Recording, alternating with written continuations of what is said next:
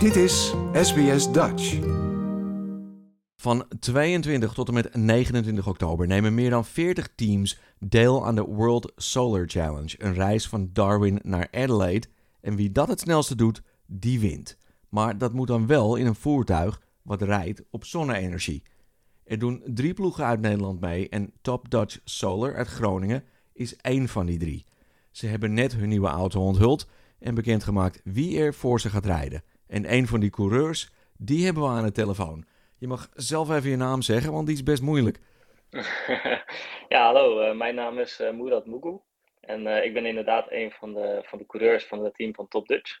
En ja, ik ben hartstikke blij dat ik deel mag maken aan dit team. Hoe kom jij zo verzeild bij een team wat op, op zonne-energie rijdt? Um, eigenlijk begon het allemaal binnen in mijn studie. En binnen in mijn studie zijn er verschillende projecten, um, vaak waar je aan mee kan doen.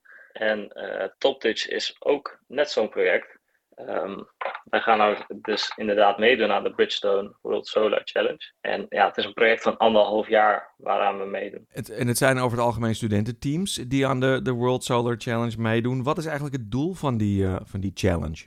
Het doel is eigenlijk om um, ja, de studenten de vrijheid te geven om nieuwe innovatieve technieken uit te vinden.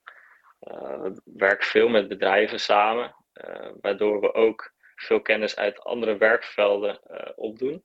En het doel is natuurlijk met een zelfgebouwde zonneauto met van die innovatieve technologie als eerste de, de finish te halen.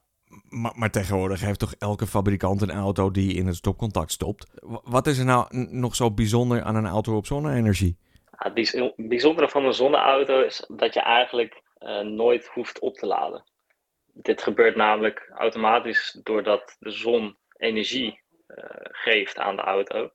En die energie die wordt door middel van de zonnepanelen uh, omgezet tot elektriciteit. En die elektriciteit die wordt vervolgens gebruikt door de auto. En hoe, hoeveel zon heb je nodig om, om zo'n auto te laten rijden? Ja, dat is best lastig om te zeggen. Uh, je kan het vergelijken met hardlopen uh, en wandelen. Hardlopen is natuurlijk veel lastiger vol te houden dan wandelen. Nou, hetzelfde geldt eigenlijk voor onze zonneauto met zonne-energie. Hoe langzamer je gaat, des te minder energie er verbruikt wordt. Uh, en des te langer je het ook kan volhouden. En, en wat, wat is dan een optimale snelheid voor, voor een auto die op zonne-energie rijdt?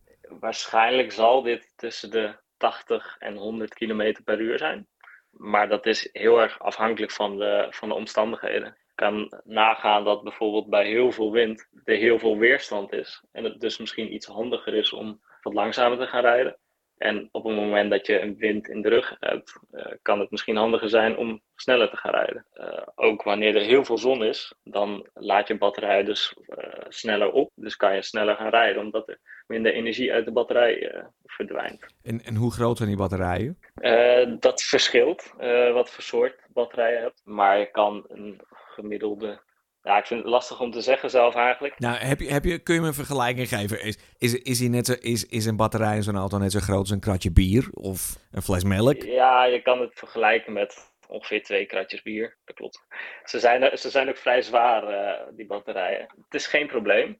Um, echter is het wel zo natuurlijk hoe zwaarder de auto, hoe meer energie de auto verbruikt. En dat is natuurlijk wat we willen beperken. Worden uh, coureurs daar ook op uh, beoordeeld of ze een bepaald gewicht hebben? Um, vanuit de reglementen is het zo vastgelegd dat de coureur minimaal 80 kilo moet wegen. Um, en natuurlijk uh, zullen veel mensen dit niet halen. En daardoor moet er ballast worden toegevoegd om die 80 kilo wel te halen. Haal jij die 80 kilo? Uh, ik ben net iets lichter dan 80 kilo, dus voor mij moet er wat ballast toegevoegd worden. Nou ja, hoe lang denk je, denk je dat je erover gaat doen? Om van, want die race die gaat van Darwin naar Adelaide, dat is 3000 kilometer ongeveer. Klopt. Hoe lang denk je erover te gaan doen? Um, de race zal waarschijnlijk vijf dagen duren. En ik zeg waarschijnlijk omdat er natuurlijk van alles kan gebeuren waardoor de finish al zal verlopen. Um, denk aan mechanische of elektrische problemen, maar ook de zon kan meer of minder zijn dan voorspeld. Uh, en we mogen iedere dag van 8 uur s ochtends tot 5 uur s avonds rijden. En aan het einde van de dag moeten we kamperen waar we die dag eindigen.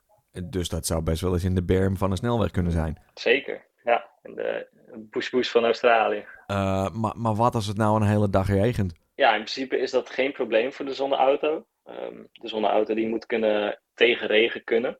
We hebben ook in uh, België afgelopen jaar een 24 uur race gehad. En daar hebben we geraced met uh, een van onze vorige zonneauto's. En die heeft bewezen dat, ja, dat er ook in de regen gereden kan worden. Uh, wel is het natuurlijk zo dat als het regent er waarschijnlijk veel bewolking is. En deze strategie hierop aangepast moet worden. Kijk, als je langzamer rijdt, dan kan je natuurlijk langer doorrijden met de auto. Um, maar je kan uh, natuurlijk ook harder gaan rijden. En dan is de batterij natuurlijk zo leeg. Um, kun je die auto omschrijven voor me? Jazeker. Um, de theorie daarachter is eigenlijk dat een druppelvorm meest aerodynamisch is. En nou, dat is dan ook vergelijkbaar met hoe onze auto er eigenlijk uitziet. Uh, de voorkant is wat, wat boller. Dat is dan ook de plek waar de driver in gaat zitten. En hij loopt uh, langzaam taps toe naar de achterkant. Uh, zodat hij makkelijk door de lucht glijdt. En onze auto die, die heeft vier wielen, waarvan twee wielen achter dichter bij elkaar staan dan de voorwielen. En dit is juist om de, de aerodynamische vorm zo, zo smal mogelijk te houden. Verder zit er nog een, mooi zonnedek op. En in totaal zijn de afmetingen 5 meter lang en anderhalf meter breed. En als jij in die auto zit, hoeveel, hoeveel ruimte heb je dan om je heen? Uh, weinig. Het is uh, ontzettend krap in. En uh, ook helemaal niet comfortabel voor de driver. Dus dat is, dat is, dat is acht, acht uur afzien voor jullie? Ja, ja eigenlijk wel. iedere coureur die mag maximaal vier uur achter elkaar doorrijden. En per dag zijn er uh, twee controlestops waarin uh, gewisseld kan worden van coureur. Eigenlijk wissel je iedere controlestop van coureur, uh, omdat het natuurlijk ontzettend warm wordt in de auto. Dus je wil wel de coureur met, de, met nou, het frisse geheugen weer in de auto hebben zitten. Ja. Die, die auto voor jullie die heet Green Thunder. Waar komt die naam vandaan? Uh, de Green Thunder is, is bedacht omdat de vorige auto's natuurlijk al green in de naam hadden.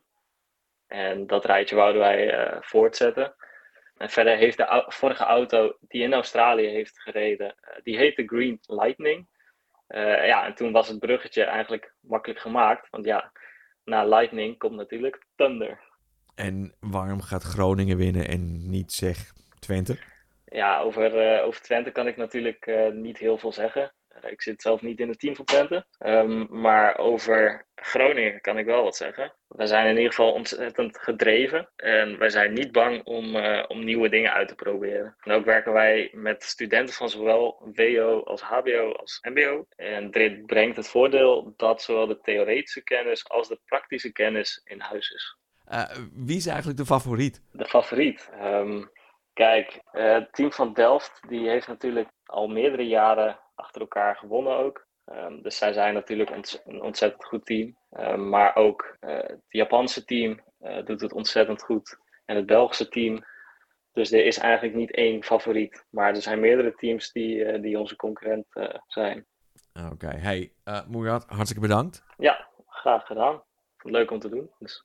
En veel succes in oktober. Hartelijk dank. Ik ben, ben benieuwd. Wel winnen, hè? Zeker, zeker. We gaan ons best doen. Like, deel, geef je reactie. Volg SBS Dutch op Facebook.